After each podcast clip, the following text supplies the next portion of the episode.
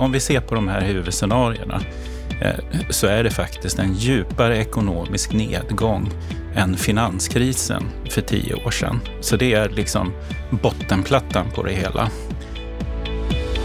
Vi är just nu inne i den djupaste samhällsekonomiska kris sedan 1930-talet. Och efter den här krisen så kommer politikerna ta ett helhetsgrepp över den ekonomiska politiken, se över kreditrestriktioner med sikte på en politik för att säkra jobben, välfärden och människors framtidstro. Det är i alla fall det de behöver göra. Hör Bankföreningens VD Hans Lindberg i ett samtal som inte väjar för problemet. Han är en av Sveriges verkliga och kanske mest anonyma tungviktare. Varmt välkommen till ännu ett avsnitt av Bopolpodden och jag som leder detta högintressanta program heter Anna Bellman. Varmt välkommen. Vi börjar som vanligt med veckans Aktuellt.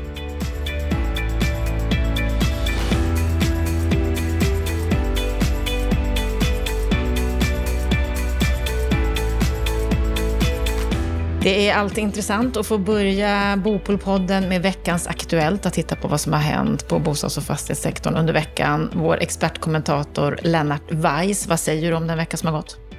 Ja, i politiken så är det fortsatt ganska så mycket stiltje, även om jag helt utan grund tror att det kommer att komma politiska initiativ Eh, i svansen av alla de åtgärder som regeringen just nu vidtar kring coronakrisen. Jag har som sagt ingen belägg för det, men jag har bara en stark magkänsla av att eh, efter lånegarantier och, och, och eh, finansiellt stöd till företag och så vidare så kommer det att komma någonting med koppling till den här sektorn därför att den är så otroligt viktig om man ska stampa igång hjulen igen. Ja, Varför tror du inte att det har kommit något hittills?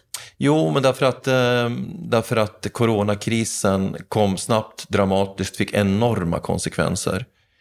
Alltså ett tag så tyckte vi nog alla att, att marken gungade eh, under oss. Och eh, då ändras ju dagordningen i regeringskansliet. Så nu har det ju varit krispolitik utav yttersta rang. Och eh, jag har ju skrivit ett par ledare på bostadspolitik där jag förutsåg att nu kommer politiken att visa sig från sin allra bästa sida. Och att det politiska Sverige kommer att visa sig från sin allra bästa sida. Och det tycker jag har visat sig alldeles korrekt. Möjligen lite överraskande fick vi en, en, en, en ny eh, folkkung av ätten Tegnell. Eh, som, som säkert eh, hela svenska folket skulle vilja ha som eh, svärfar eller svärson eller, eller julvärd eller vad som helst. Va? Men, men bakom det här så finns ju ett politiskt system som visar sig fungera i princip så bra som man kan hoppas. Och det, det sagt säger jag ändå med att det finns ju en del saker som kunde ha gjorts bättre. Men, eh, ja, nu det gör det ju alltid. Det gör det alltid, va? men systemet fungerar som helhet väldigt bra och, och äh, agera med en eh, exempel, eh, alltså nästan en, en, exemplarisk snabbhet. Och då tror jag också att det kommer att komma åtgärder kopplat till bygg och bostadssektorn vad det lider. Om vi kollar då på vad som har skrivits i media under veckan så kan vi titta på veckans Fokus, den tidning som är aktuell just den här veckan, som är knallgul på framsidan med röd text och svarta varningstriangeln risk för ras. Kan corona skapa en ny fastighetskrasch? En lång artikel, vad säger du om deras spaning här? Ja, alltså jag skrattar lite när jag eh, läser det här därför att de, de blandar ihop olika saker. Det, det finns väl på något vis någon form av eh, mentalt likhetstecken mellan eh, ordet kris och fastigheter. Och det är naturligtvis en produkt av finans och fastighetskrisen på 90-talet och sen Lehman-kraschen som hade liksom de här komponenterna. Och så tror man på något vis att för att det är en kris nu så ska den landa i fastighetssektorn. Och då kan det ju möjligen finnas en ledtråd för det synsättet och det är ju att när det gäller den kommersiella fastighetssektorn så är det ju alldeles klart att fastighetsägare som har en stor andel eh, detaljhandelsföretag där kan man ju förvänta sig att det kommer att eh, uppstå minskade hyresintäkter och, och, och, och, att det kan påverka värderingen på de här fastighetsbestånden temporärt. Men då måste man ju först eh, fråga sig hur stor andel av den totala fastighetssektorn har den typen av sammansättning? Ja, inte särskilt stor. Den dominerande delen av den kommersiella fastighetssektorn är hyresbostäder. Det finns ingen anledning att tro att, att eh, den typen av fastighetsbolag kommer att få vakanser i någon större utsträckning utan tvärtom är det ju så att det svenska socialförsäkringssystemet och, och, och, och eh, a-kassesystemet och så vidare skyddar ju hushållen för förluster precis sådana här tider. Så att det kommer att backa upp den sortens bolag. Och till det har du ju också liksom, eh, regeringens olika stödpaket. Sen har du en stor grupp företag som har väldigt stor exponering mot samhällsfastigheter. Det är ju Eh, fastigheter med väldigt långa kontrakt med stat och kommun som, som eh, garanter, så de kommer inte heller få problem. Utan då återstår det liksom de här fastighetsbolagen som har då detaljhandelsföretag. Men jag tror inte att de kommer att få särskilt långvariga problem heller. Jag tror visserligen att vid Q3 kommer att se att de får hyresförluster, för att det är Q3 som de här problemen kommer på allvar. Men, men eh, där kommer för det första det här hyresstödet som regeringen har satt in att få en viss effekt. Dock så tror jag att hyresstödet kommer att att ersättas av ett omsättningsbaserat stöd till företagen. Det vill säga man kommer att stötta företagens omsättningsförluster mer direkt, det är jag tämligen säker på kommer. Och då kommer inte heller den här sortens fastighetsbolag att drabbas särskilt hårt.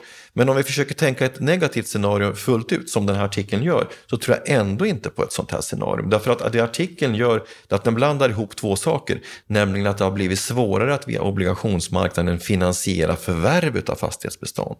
Men det är en helt annan sak än att den underliggande finansieringssystemet för befintliga fastigheter som ju då finansieras genom banksystemet som i sin tur finansieras genom den internationella obligationsmarknaden, att den skulle drabbas av problem. Alltså att Påståendet här att obligationsmarknaden har frusit till is, det är bara sant när det gäller transaktioner, alltså förvärv. Det är inte korrekt när det gäller den underliggande bostadsfinansieringen. Utan skulle det ha varit kris där, då skulle räntorna ha tickat uppåt, men det har de ju inte gjort. Det gjorde de bara under några dagar. Sen återgick de till ett normalläge, utan det är tvärtom så att räntorna visar på en sjunkande tendens, vilket ju bekräftar det jag har sagt i flera år, att det finns bandet med ingenting som är så säkert i den finansiella sektorn som, som bostadsfastigheter. Därför att både hushåll och eh, fastighetsägare de betalar sina räntor och amorteringar i Sverige. Det är därför den internationella kapitalmarknaden älskar svenska bostadsobligationer. Men Jens Engvall säger ju i den här artikeln bland annat att det inte finns tillgång till de billiga pengar som fanns förut. Ja, för transaktioner ja. Han vill köpa fastighetsbestånd. Han kunde inte finansiera en portfölj som Ilja Batljan, det vill säga SBB, Samhällsbyggnadsbolaget, ville sälja till honom. Men det är en helt annan sak, därför att de som ska finansiera sådana här affärer, de vill hålla i plånböckerna nu för att vara likvida. Eh, för olika eventualiteter. Det är en sorts säkerhetsåtgärd, men det har ingenting att göra med stabiliteten i fastighetsmarknaden som sådan. Att, att han inte får köpa fastigheter för några miljarder just nu, det är i den stora reala ekonomin ett väldigt litet problem. Så du menar att artikeln har fel, det finns inget risk för ras just nu? Ja, men han blandar ihop olika aspekter, han blandar ihop transaktioner med den grundläggande Eh, riskerna i fastighetssektorn. Och när det gäller att bedöma riskerna i fastighetssektorn så som den ser ut, alltså förvaltningsfastigheter, då måste man titta på den underliggande säkerhetsmassan. Den är betryggande. Om vi då går vidare och tittar på en annan artikel som var i Svenska Dagbladet i onsdags. Där står det att coronaviruset sätter stopp för renoveringar. Och det är byggföretagen och Sveriges allmännytta som varnar för att renoveringsfirmor slås ut i onödan och de vill nu ha en tillfällig lagändring för att få fler på banan. Det är en berättigad oro. Jag tycker det är bra att de lyfter den här frågan. Eh, jag skulle nog säga så här att de företagen som har den största, eh, löper den största risken nu, det är den här kategorin som vi kallar för byggserviceföretag som jobbar åt dig som villägare eller mig som fritidshusägare. Vem skulle beställa en badhus, badrumsrenovering idag? Man får ju inte ens släppa in människor i sitt hus med hänsyn till social distansering och sådana här saker. Men det här drabbar förmodligen även stora företag som ska renovera stammar eller vad det nu är. Va? Och det där tycker jag regeringen ska fundera på. Därför att, och det är kanske är svårt att sätta in rätt sorts åtgärder nu, men så snart vi, vi, vi börjar känna att eh, den här karantänspolitiken som vi har just nu, att man kan släppa på den, då skulle jag vilja se kraftfulla rotåtgärder, rotstimulanser.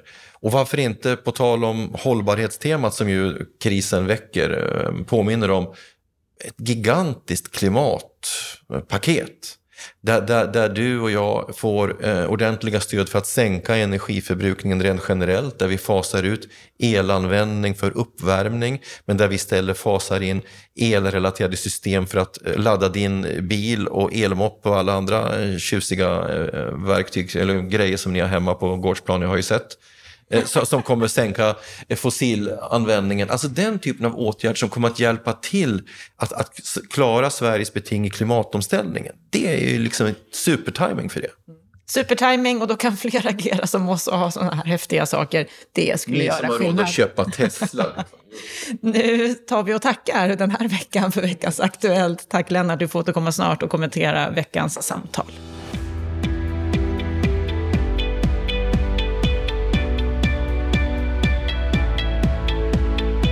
Vi är mitt inne i en kris, inte bara en hälsokris utan också en djup ekonomisk kris där många organisationer, många verksamheter har det tufft. Många personer har det tufft, blir permitterade, varslade.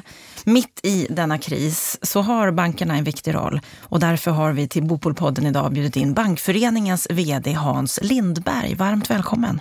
Eh, tack så mycket. Hans, vad är din sinnesstämning idag? Ja, det är fint väder ute, men jag är bekymrad över ekonomin och jag är bekymrad för Sverige i det här läget. Det är en bekymmersam kris vi är inne i. Bara bekymmersam? Ja, vi vet ju inte riktigt hur fortsättningen ser ut än. Eh, Ser man på de prognoser och så som har publicerats av IMF och regeringen, bara de här huvudscenarierna indikerar ju en ganska så djup kris, en djup ekonomisk nedgång. Men det förutsätter ju att eh, ekonomierna öppnar upp nu efter sommaren. Och det är ju inte riktigt säkert. Vad Men- tror du själv?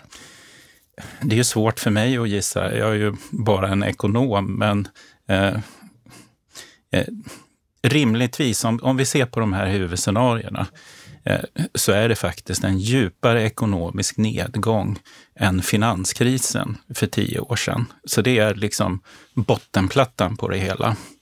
Eh, och eh, när man följer media nu så är det ju mycket som talar på att talar för att både Sverige och omvärlden kommer att vara helt eller delvis nedstängda även en bit på hösten. Och då, då pratar vi om en mycket djup nedgång i världsekonomin. Mm. Som är svår nästan att förstå, även om den är nära förestående. Ja, tittar man på, på det här huvudscenariot nu som figurerar från IMF eh, så innebär det ju att eh, 90 procent av alla världens länder kommer ha krympande ekonomier i år. Och skulle det vara så att man inte får stopp på smittan till hösten, då kommer den här nedgången bli djupare och mer segdragen. Och då pratar vi om eh, kanske en nedgång i storleksordningen eh, för världsekonomin på eh, 6 procent eller någonting sånt där för 2020. Och normalt sett eh, så, så växer ju världsekonomin med ungefär 3 procent per år. Och det som framförallt då så här i inledningen skiljer ut den här krisen från finanskrisen, eh, det är ju att i finanskrisen så ångade faktiskt Kina på och eh, stödde resten av, av eh, den ekonomiska utvecklingen i, i, i världen. Men nu har ju Kina påtagliga problem. Mm. Du Hans, som du sa, du är ekonom, du är doktor i nationalekonomi, du har varit Moderaternas statssekreterare hos finansminister Anders Borg på den tiden. Du har varit generaldirektör på Ekonomistyrningsverket, chef på Konjunkturinstitutet, biträdande avdelningschef på Riksbanken. Du värvades av Urban Bäckström till Skandia Liv och därifrån av Kerstin Hessius till tredje AP-fonden. Nu, sen fem år tillbaka snart, så är du vd åt Bankföreningen och du är också ordförande i Exportkreditnämnden. En gedigen meritlista. Ja, jag vet inte. Ja. Eh, men jobbet på Bankföreningen är väldigt kul och inspirerande. Eh, bankerna ligger ju i centrum av ekonomin och eh, man kommer ofta i kontakt med, med liksom andra eh, intressanta ekonomiska frågeställningar. Till exempel det här med bostäder. Mm, och det ska vi djupdyka lite grann i lite senare här i programmet. Men först så skulle jag vilja ställa en fråga som jag har förstått, som jag läste, att du oftast får när det gäller Bankföreningen. Och den frågan är, vad gör ni egentligen? Ja, eh, vi försöker jobba med frågor som vi tror är bra för bankkunderna, bankerna och Sverige egentligen. Och det gör vi på olika sätt. Eh, dels bedriver vi påverkansarbete vad det gäller lagstiftning, regelverk. här i Sverige eller på EU-nivå. Och sen så jobbar vi mycket med gemensamma ansatser tillsammans med bankerna för att förbättra den finansiella infrastrukturen. Jag tror att Swish en gång i tiden uppfanns i en sån här samarbetsgrupp på, på Bankföreningen faktiskt, en gång i tiden. Mm, och det har ju revolutionerat mångas liv och är ju otroligt användbart. Vad skulle du säga är er roll nu under coronakrisen som vi är just nu? Ja, bankerna har ju en central roll i den här krisen. Vi har ju Välskötta svenska banker, de är starka, de är välkapitaliserade och det är väldigt bra att ha i en sån här kris. För då kan bankerna hjälpa sina kunder. De kan hjälpa sina hushållskunder och de kan hjälpa sina företagskunder. Eh, och de kan, de kan stötta dem med krediter, de kan ge amorteringsanstånd eh, och på olika sätt hjälpa folk och företag igenom krisen. Och det försöker bankerna göra på bästa sätt i det här läget. Och hur klarar de sig, tycker du? Jag tycker de gör ett bra jobb i det här läget. Eh, häromveckan så var ju en av storbankernas eh, VD i Aktuellt, eller Rapport, och berättade att bara inom loppet av två, tre veckor så hade man expanderat företagskrediterna mer än vad man normalt sett gör på ett år. Och jag vet ju på mitt jobb på som ordförande på Exportkreditnämnden. Där har vi ju satt upp statliga garantiprogram nu för företag som är knutna till den svenska exporten på i storleksordningen över 200 miljarder kronor. Och i slutändan, det här är ju garantier då som lämnas på lån eh, som, som företagen får via företrädesvis då de svenska bankerna. Och det är till stor hjälp för dem. Om vi tittar lite historiskt, den förra riktigt stora krisen för drygt tio år sedan så har ju en lång rad regleringar införts på europeisk och på svensk nivå för att minska riskerna i det finansiella systemet. Skulle du säga att banker i allmänhet har för stora risker? Ja, jag jobbade ju på Finansdepartementet och före dess då på Ekonomistyrningsverket under finanskrisen och det som kallades eurokrisen. Och mitt perspektiv då, eh, det var att det var viktigt för oss här i Sverige att stärka upp bankerna, stärka upp det finansiella systemet och säkra det på alla tänkbara sätt. Och jag tycker vi har gjort ett väldigt bra jobb i Sverige på den punkten. Men tycker du att svenska banker är tillräckligt starka för att klara av den kris som vi just nu genomgår? Alla tecken hittills tyder på det. Och det finns, eh, det finns den här europeiska bankmyndigheten eh, gör ju stresstest på eh, bankerna i Europa. Och där, vad det gäller de svenska bankerna, där brukar det laddas upp med de mest svåra, svåra antaganden som man någonsin kan. Och de senaste körningarna man gjorde, då tog man en kombo på 90-talskrisen, de värsta delarna av 90-talskrisen och finanskrisen. Och det som visade sig då, det var faktiskt att de svenska bankerna kom ut i, i topp i Europa, trots att de andra bankerna testade sig inte på motsvarande sätt. Så Men trots det, här, trots det här så har ju svenska banker de tuffaste kreditrestriktionerna i EU det, det, är det som är lite märkligt. Om du tänker på kreditregleringarna. Eh, det finns ju två olika sorters regleringar. Först har du bankreglering. Det är kapitaltäckningskrav och det är likviditetskrav där man försöker säkra upp bankerna på absolut bästa sätt.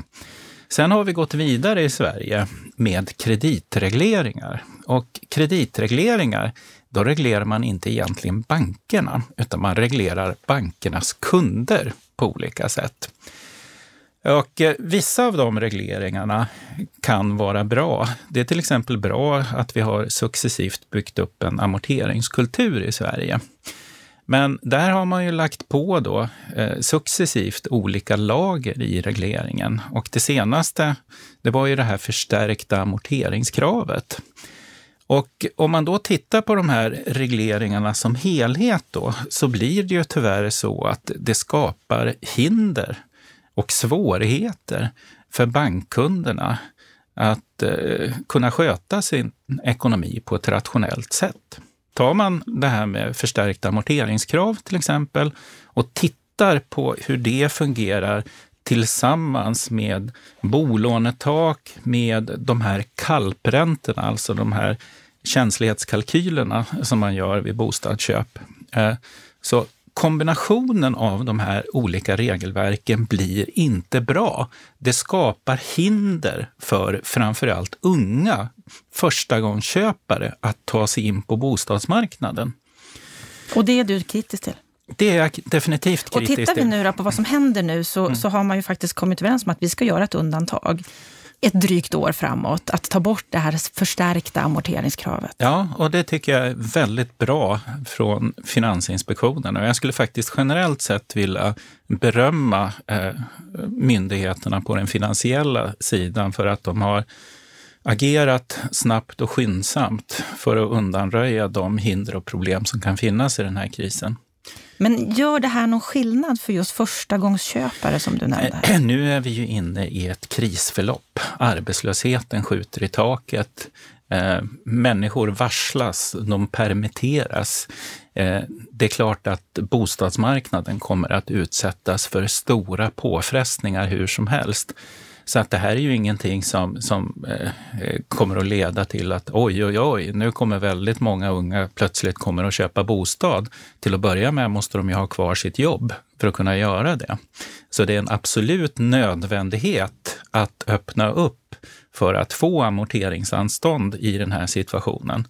Sen när vi börjar komma lite längre fram, låt oss säga att, att den här epidemin lägger sig under sommaren, vilket vi verkligen hoppas, och ekonomin så småningom börjar liksom försöka stånka igång under hösten.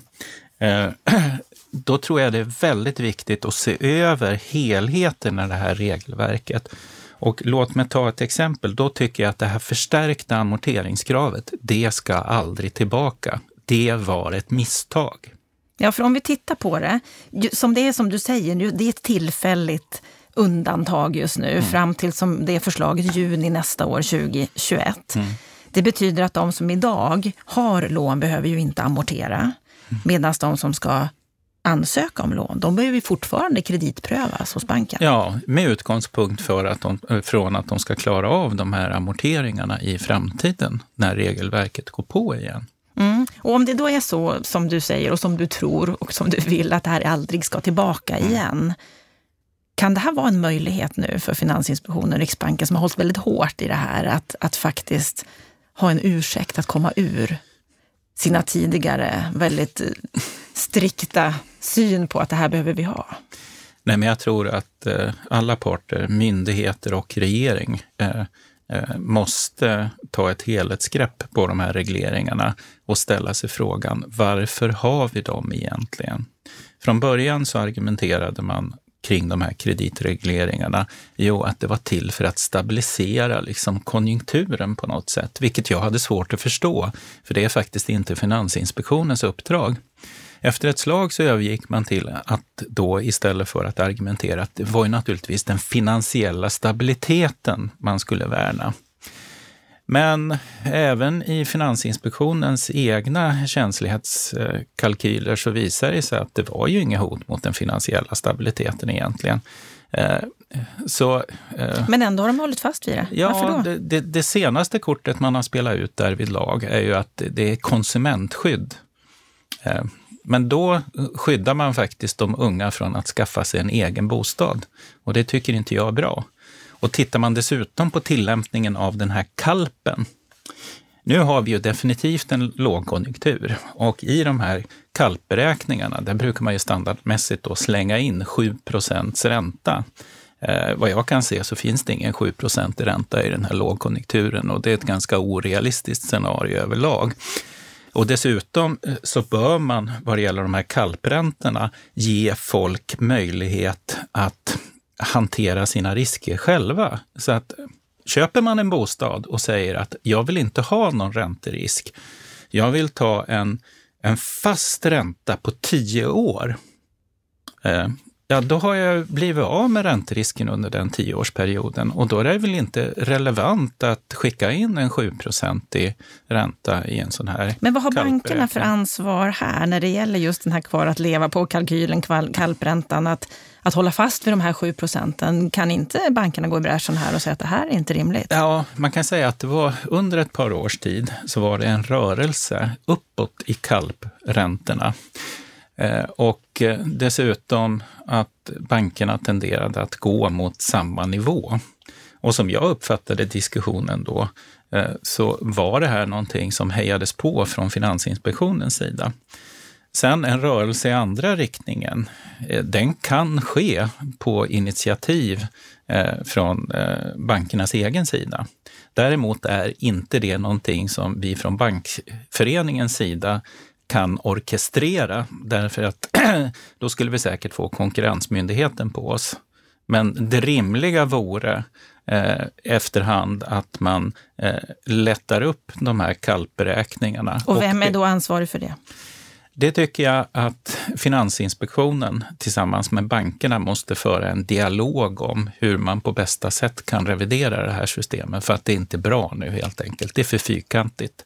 Överlag så har de här regleringarna blivit för detaljerade och fyrkantiga. Och när man inför reglering för reglering så säger man från myndigheternas sida att ja, men just den här regleringen påverkar inte så mycket på marginalen. Och så kan det vara, men det är helheten som betyder någonting. Och helheten har inte blivit bra. Så att när den här krisen är över, då tycker jag man ska hyfsa, hyfsa, systemet.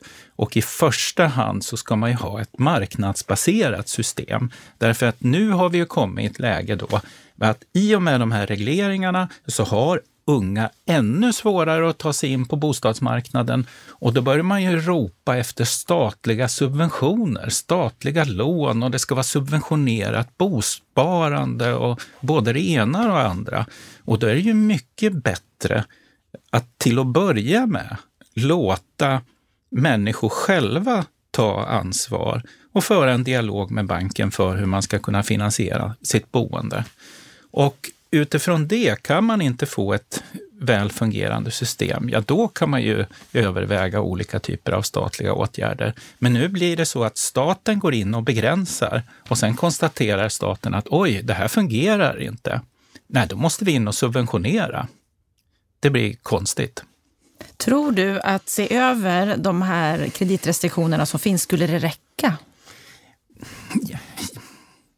Jag tror att det skulle vara en bra första start. Eh, men ser man överlag, eh, jag jobbade ju mycket med bostadsfrågor eh, när jag var statssekreterare. Och det är klart att kommunernas planmonopol och byggnormer, tillgången på mark och förekomsten av infrastruktur, det är betydelsefullt. Men samtidigt så är det ju så liksom att den här finansieringsfrågan är helt avgörande.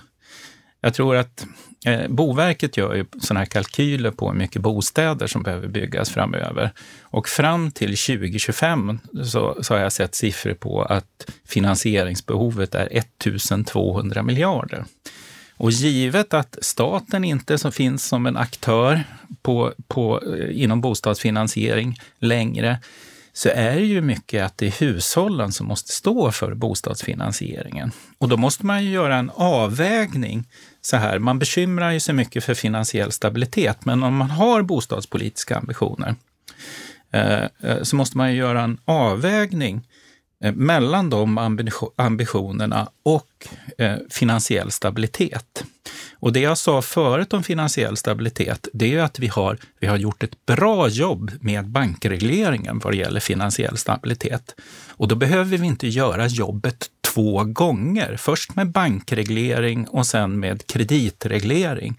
Därför då kostar det väldigt mycket på andra områden. Så gör halt nu, titta över hela systemet och försök eh, den privata bostadsfinansieringen fungera på ett bra sätt som möjligt helt enkelt. Det är inte svårt. Vad ser du nu på statsministerns uttalande att han vill se ett ökat bostadsbyggande i den här situationen som vi befinner oss i nu? Ja, det är ju mycket man kan vilja här i världen. Eh, Jag har ju svårt att se riktigt att bostadsbyggandet Eh, ska ta fart i den här situationen. Vi har en djup ekonomisk nedgång. Eh, nedgången under finanskrisen i byggandet, bostadsbyggandet var ju 30 procent, 90-talskrisen 70 procent. Eh, ska man våga sig på någon eh, grov gissning i, i det här eh, sammanhanget så, eh, så hamnar det väl någonstans däremellan. Om, om den här krisen, den här eh, smittspridningen eh, fortsätter. Eh, bostadsbyggandet kommer att gå ner i den här situationen. Mm, du är övertygad om det? Ja, det är klart. Vi ser ju en hel del stimulanser. Mm. Det kommer 800 miljoner nu, eller miljarder har, har um, kommit ifrån högre ort så att säga, för att stimulera ekonomin. Mm. Vad kommer det att leda till? Ja, eh, jag tycker att regeringen har vidtagit bra åtgärder. Det är bra första steg, så att säga. Och det är, det är två olika typer av åtgärder. Dels hur man, hur man försöker på olika sätt att kompensera hushåll och företag för det, eh, det fall i omsättning, kassaflöden som kommer helt enkelt. Och dessutom har man ju eh, olika typer av statliga lånegarantiprogram. Men det här är ju ingenting som den privata sektorn kan låna sig igenom. Det är inte möjligt, utan liksom huvudredskapet här, det måste vara att på alla tänkbara sätt eh, försöka eh, rädda så många jobb som går i det här läget. Och eh, om väl människor blir arbetslösa, liksom, försöka upprätthålla Eh, deras levnadsstandard på bästa sätt igenom krisen. Det är, det är så man ska jobba. Eh, nu är vi lyckligt lottade i Sverige. Tittar vi på eh, länder i södra Europa så är ju de staterna djupt skuldsatta i utgångsläget. Det är skuldsättning på över 100 procent i BNP. Här i Sverige så hade vi en skuldsättning på 35 procent av BNP när krisen började. Så vi har ett bra utgångsläge? Ett bra säga. utgångsläge. Och vore jag finansminister så skulle jag tänka så här, väldigt enkelt. Jag skulle tänka så här, okej, okay, hur länge kan den här krisen hålla på? I ett sämsta scenario. De säger att ja, till januari nästa år kanske man får fram ett vaccin. Ja, max kanske jag måste hålla ut ett och ett halvt år. Ehm, det är liksom tiden. Och sen skulle jag tänka så här, hur mycket kan jag skuldsätta mig? Eh, ja, uppemot 70-80 procent går nog säkerligen bra utan att eh, eh, försvåra för, för framtiden. Och sen helt enkelt fördela ut pengarna över de månader som finns. Men något ökat bostadsbyggande, det ser du inte? Och det eh. här är ju ett av våra stora utmaningar, en av våra stora utmaningar i vårt samhälle. Och det vi mm. ser nu i spåren av corona, det är att de områden som drabbas värst, det är där det är en stor trångboddhet. Ja. Nej, det är, bostadssektorn är lite problematisk i det här läget, även konjunkturellt sett. För tittar man på finanskrisen så hade vi en mindre eh, byggsektor då faktiskt. Eh, och den nedgång som var påverkade inte ekonomin så mycket i övrigt. Men nu är eh, bostadsbyggandet som andel av BNP ganska så högt faktiskt. Det ligger väl sådär runt eh, uppemot 5 procent eller någonting sånt där. Och tillsammans med anläggningsinvesteringarna så är man en bra bit eh, högre än så. Och det innebär ju att en nedgång i byggsektorn eh, och att människor förlorar jobbet där, förutom att det inte blir några bostäder, så spär det på konjunkturförloppet nedåt helt enkelt. Så det är klart, vore jag finansminister så skulle jag ju titta på olika möjligheter att eh, eh försöka upprätthålla byggandet. Eh, det vore klokt både konjunkturellt men även långsiktigt strukturellt därför att det behöver byggas i Sverige på sikt. Tror du att det kommer att prioriteras av våra finansministrar och statsministrar? Jag hoppas det. Jag hoppas det. Eh, som jag sa så har man vidtagit kloka åtgärder eh, hittills i den här krisen. Sen är det ju så liksom att eh, kloka åtgärder tas inte fram över en natt, utan då måste man tänka till lite. Mm. Och samtidigt, i just det läget vi befinner oss i, så behöver man agera mm. skyndsamt också, vilket de ju har visat prov på att de kan göra, mm. när det verkligen gäller. När det gäller de här planerade kreditrestriktionerna, om man säger så, eller makrotillsynsåtgärderna för hyresbostäder, så har vi ju bland annat Finansinspektionen som föreslås införa så kallade riskvikter. Det har ju beslutat ska införas i höst. Hur ser du på det? Ja, eh, ser man på den här senaste, det, är egentligen en, en eh, triplett av åtgärder då, som, som försvårar eh, bostadsfinansiering på olika sätt. Till att börja med så har vi ju bankskatten. Och där har det ju ryktats om att man överväger då en skatt på säkerställda obligationer som är det mest framträdande instrumentet i bakgrunden för bostadsfinansiering. Så det blir egentligen en bostadsskatt av det hela. Mm, och du har varit ute ganska mycket i, i, i, debatten här när det gäller bankskatten och bland annat sagt att en sån det skulle slå hårt mot både jobb och tillväxt. Ja. Och eh, just den här utformningen då med säkerställda obligationen, eh, då, då styr man in det mot bostadssektorn faktiskt. Så att det, det är det första exemplet då som, som, som ytterligare skulle försvåra eh, eh, bostadsfinansiering. Det andra, det är det som Finansinspektionen då har drivit igenom, att man ska ha hö, högre riskvikter för eh, eh, kommersiella fastigheter. Och en del av kommersiella fastigheter, det är hyresfastigheter. Och högre riskvikter, det innebär att bankerna måste ha mer eget kapital när man finansierar hyresfastigheter. Och det gör i sin tur då att då blir det högre räntor på de lånen som man måste ta när man ska bygga hyresfastigheter. Och det slår ju naturligtvis, dels slår det på hyrorna, men sen så slår det också på hur, hur mycket hyresbostäder kommer att byggas. Så att det blir färre hyresbostäder helt enkelt. Och det tredje då som eh, lurade runt hörnet här, det var att man skulle införa ett europeiskt eh, regelverk som mm. heter Basel. Basel 4. Egentligen heter det färdigställandet av Basel 3, men vi har valt att kalla det Basel 4 för att det skulle innebära väldigt, väldigt påtagliga effekter för länderna här i norra Europa. För det här är ett globalt regelverk. Så det innebär att det ska funka lika bra i Mexiko, eh, Indien, Italien som i Sverige, Danmark, Norge, Finland. Liksom. Och det innebär det här det luriga med det här, eller det otrevliga med det här regelverket, det är att man har de här riskviktsgolven då.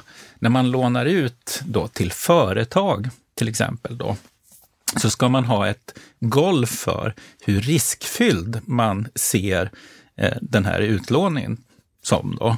Och det är klart, liksom, lånar man ut till, till svenska eh, eh, bostäder så är det mindre riskfyllt än om man lånar ut pengar till mexikansk oljeborrning. Liksom.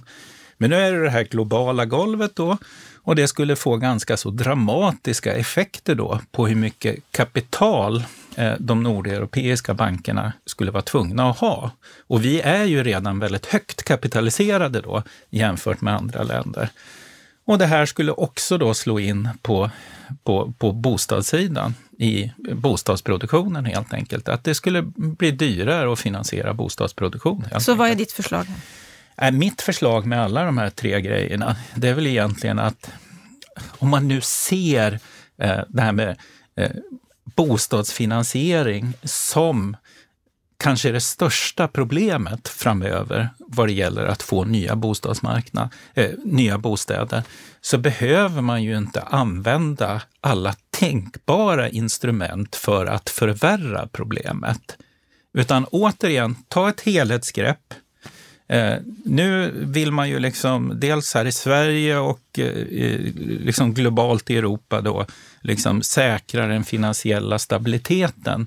Men ponera med att den redan är säkrad då eh, då kostar det bara. Det smakar ingenting. Men om vi tittar på finansminister Magdalena Andersson och försvarsminister Peter Hultqvist, de motiverar ju bland annat bankskatten med att bankerna och andra delar av finanssektorn tjänar väldigt stora pengar, att de gör oskäligt stora vinster. Ja, men det påståendet stämmer ju faktiskt inte. Eh, det blir mycket i kronor räknat, mycket i miljarder räknat.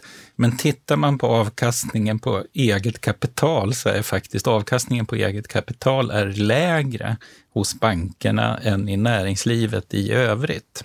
Så du menar att det finns ingen grund för att införa Nej. en bankskatt överhuvudtaget? Nej, det finns ju inte det. Men det är klart, är man liksom finansminister och behöver pengar så kan man ju höja skatten på vad som helst. Liksom. Och jag kan tänka mig, är man finansminister så är det ju kanske mer attraktivt att lansera en eh, kalla någonting en bankskatt istället för en bostadsskatt. Det, det är ju inte lika slagkraftigt. Kommer den att införas? Vad tror du? Eh, jag tror att det vore djupt olyckligt i det här läget att införa en bankskatt. För om de svenska bankerna ska vara själva motorn i återhämtningen eh, så ska man ju inte liksom skatta sönder den motorn i återhämtningen då och, och liksom höja. För det, det man ytterst gör med den här typen av, av, av skatter, det är att man höjer finansieringskostnaderna för, för kunderna helt enkelt. Och alla som har sysslat med, med nationalekonomi i sådana här tillväxtmodeller, de vet ju vad som händer om, om man höjer finansieringskostnaden med en halv procent. Eh, och det kan ju bli uppemot en halv procent av de här tre olika delarna som vi just pratade om. Eh, ja, då går ju volymerna ner helt enkelt. Det är ju inte svårare än så. Du Hans, du har vid flera tillfällen under vårt samtal här sagt att om du hade varit finansminister, då hade du gjort på ett eller annat sätt. Och du har också berömt politikerna för hur de har agerat hittills. Men utifrån det läget vi befinner oss i nu, det vi eventuellt har framför oss i en djup kris, vad ser du som viktigast att fokusera på just nu?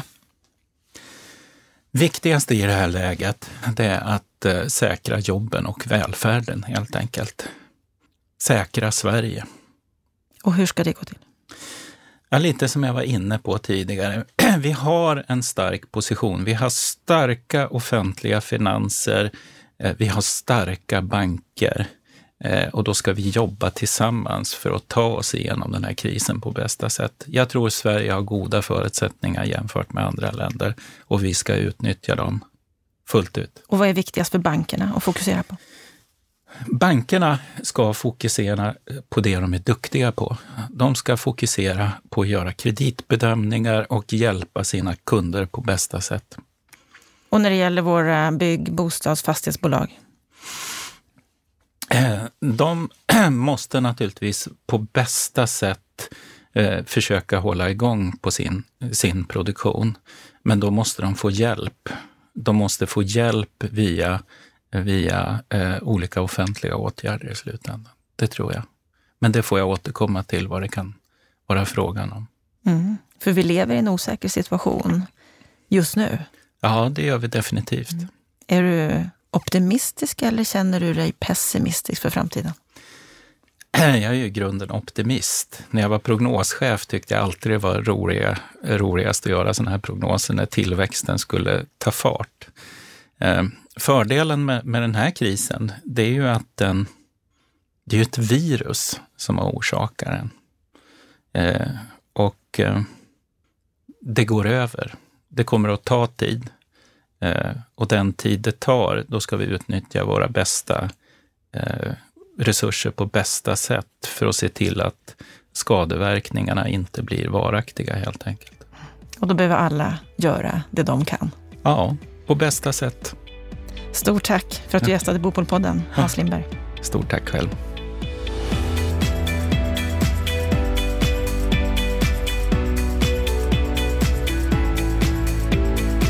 Då har vi hört samtalet med Hans Lindberg och när det här samtalet var klart så då avslöjade Hans för mig att du, Lennart, hade värvat honom till SSU för många herrans år sedan. Ja, det är ganska komiskt eftersom ju han numera är en känd moderat politiker. Men det är helt rätt, jag värvade honom till SSU, det måste ha varit 1979 eller 80 eller något sånt där. Och faktum är att vi har varit på Bommersvik ett par gånger på, på politiska utbildningar, ledarutbildningar. Men han flydde ju fadershuset och gick över till Moderaterna. Ja. Så han har också utbildats på Moderaternas eh, husstuga Gimo.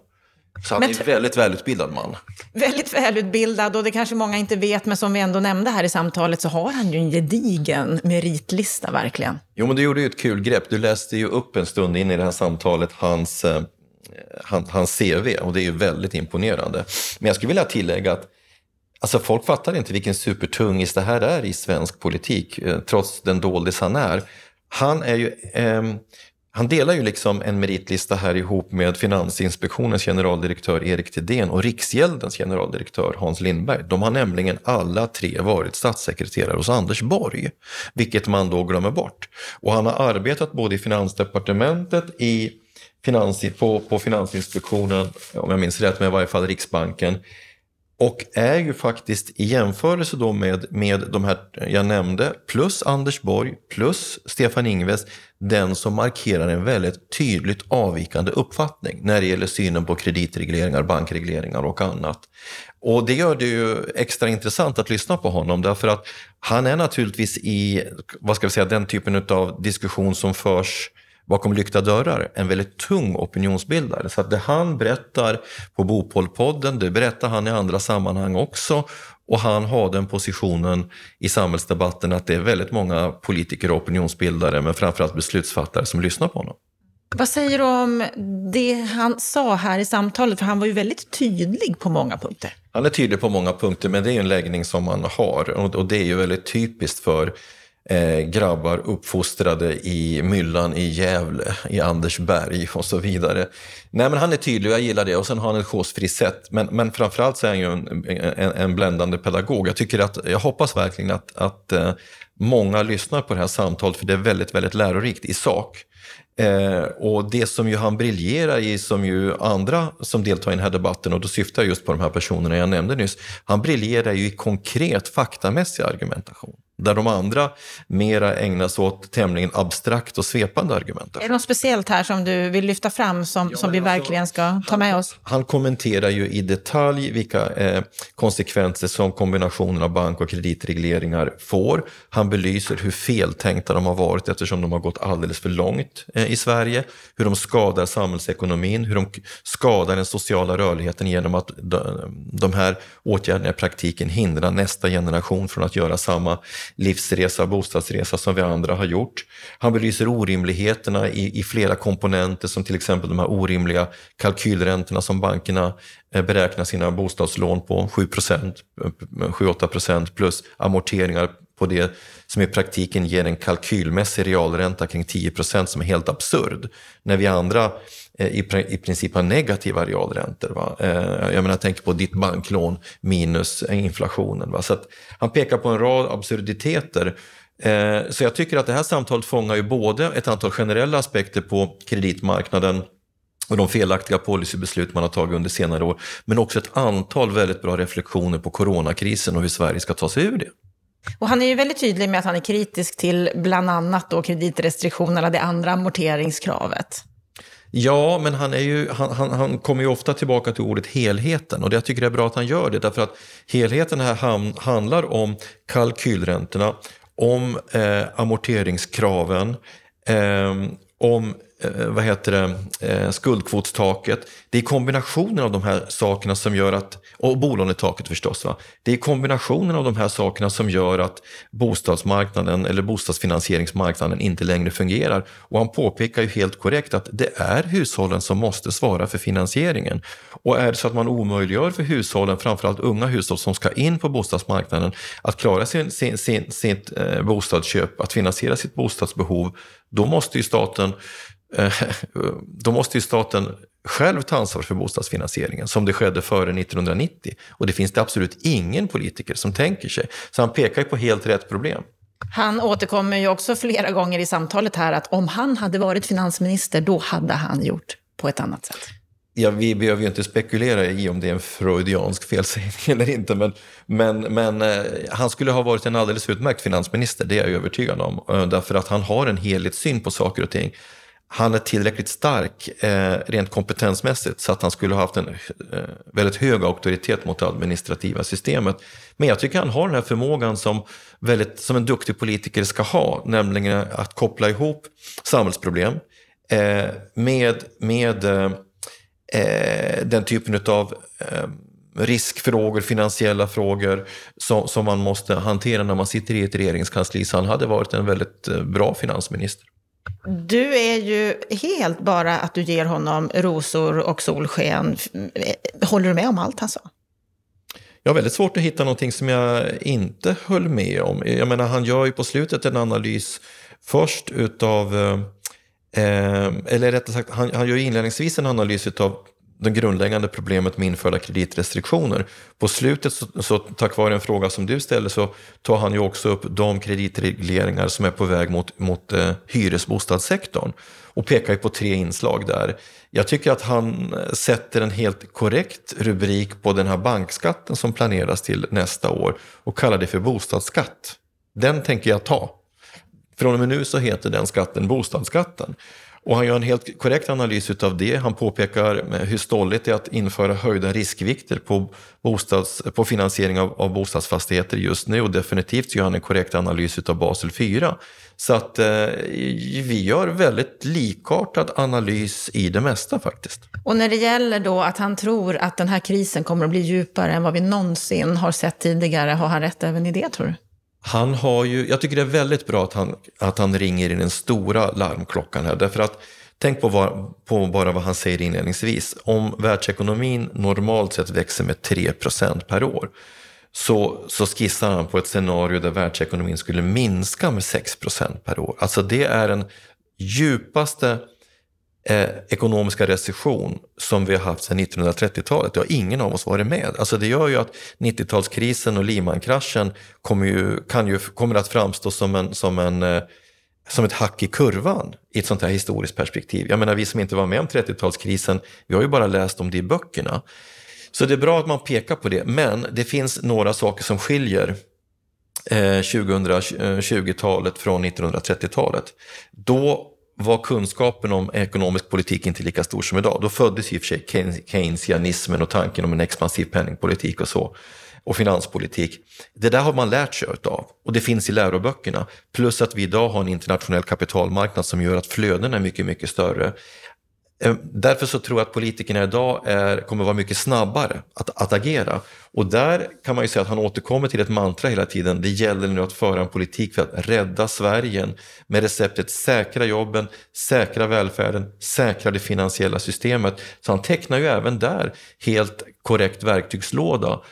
Eh, jag tror att politikerna i Sverige och i Norden och i stort sett i hel, merparten av europeiska länder kommer att ha både förutsättningarna och förmågan att fatta rätt beslut. Vad man kan känna lite oro för det är ju det, det är liksom vad som händer på andra sidan Atlanten.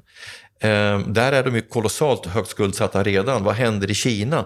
Eh, som, som, där vi inte känner till hur stora de finansiella riskerna är. Men som liksom eh, han, han, han, tecknar en helt korrekt analys av läget och, och, och, pekar också på rätt åtgärder. Men som ett sorts tröst, ett avslutande ordens tröst till lyssnarna så skulle jag ändå vilja säga så här. Även om problembilden nu är väldigt allvarlig så tycker jag man ändå kan falla tillbaka på en livserfarenhet och det är, den har jag formulerat ungefär så här att det, i goda tider så tror man att så blir det sällan så bra som man hoppas. Men spegelbilden av det är också att det blir sällan så dåligt som man befarar i sämre tider. Och jag tror att det kommer förhålla sig på samma sätt den här gången. Vi är i en allvarlig kris, men jag tror att vi kommer ta oss ur den mer helskinnade än vad vi kanske befarar just nu. Vi får hoppas att du har rätt i det, Lennart Weiss. Det var allt från Bopolpodden för den här veckan. Stort tack för att du har varit med oss och lyssnat. Är det så att du tycker om det du hör och också tycker att det här var ett bra samtal, ett utbildande samtal, så sprid gärna den här podden till fler. Och vill du komma i kontakt med oss, då gör du det på podd.bostadspolitik.se. Och vill du förkovra dig ännu mer, missa då inte att gå in på bostadspolitik.se, för där finns det många artiklar, många kröniker, mycket att läsa. Med det så önskar jag dig en riktigt bra vecka och se till att ta hand om dig.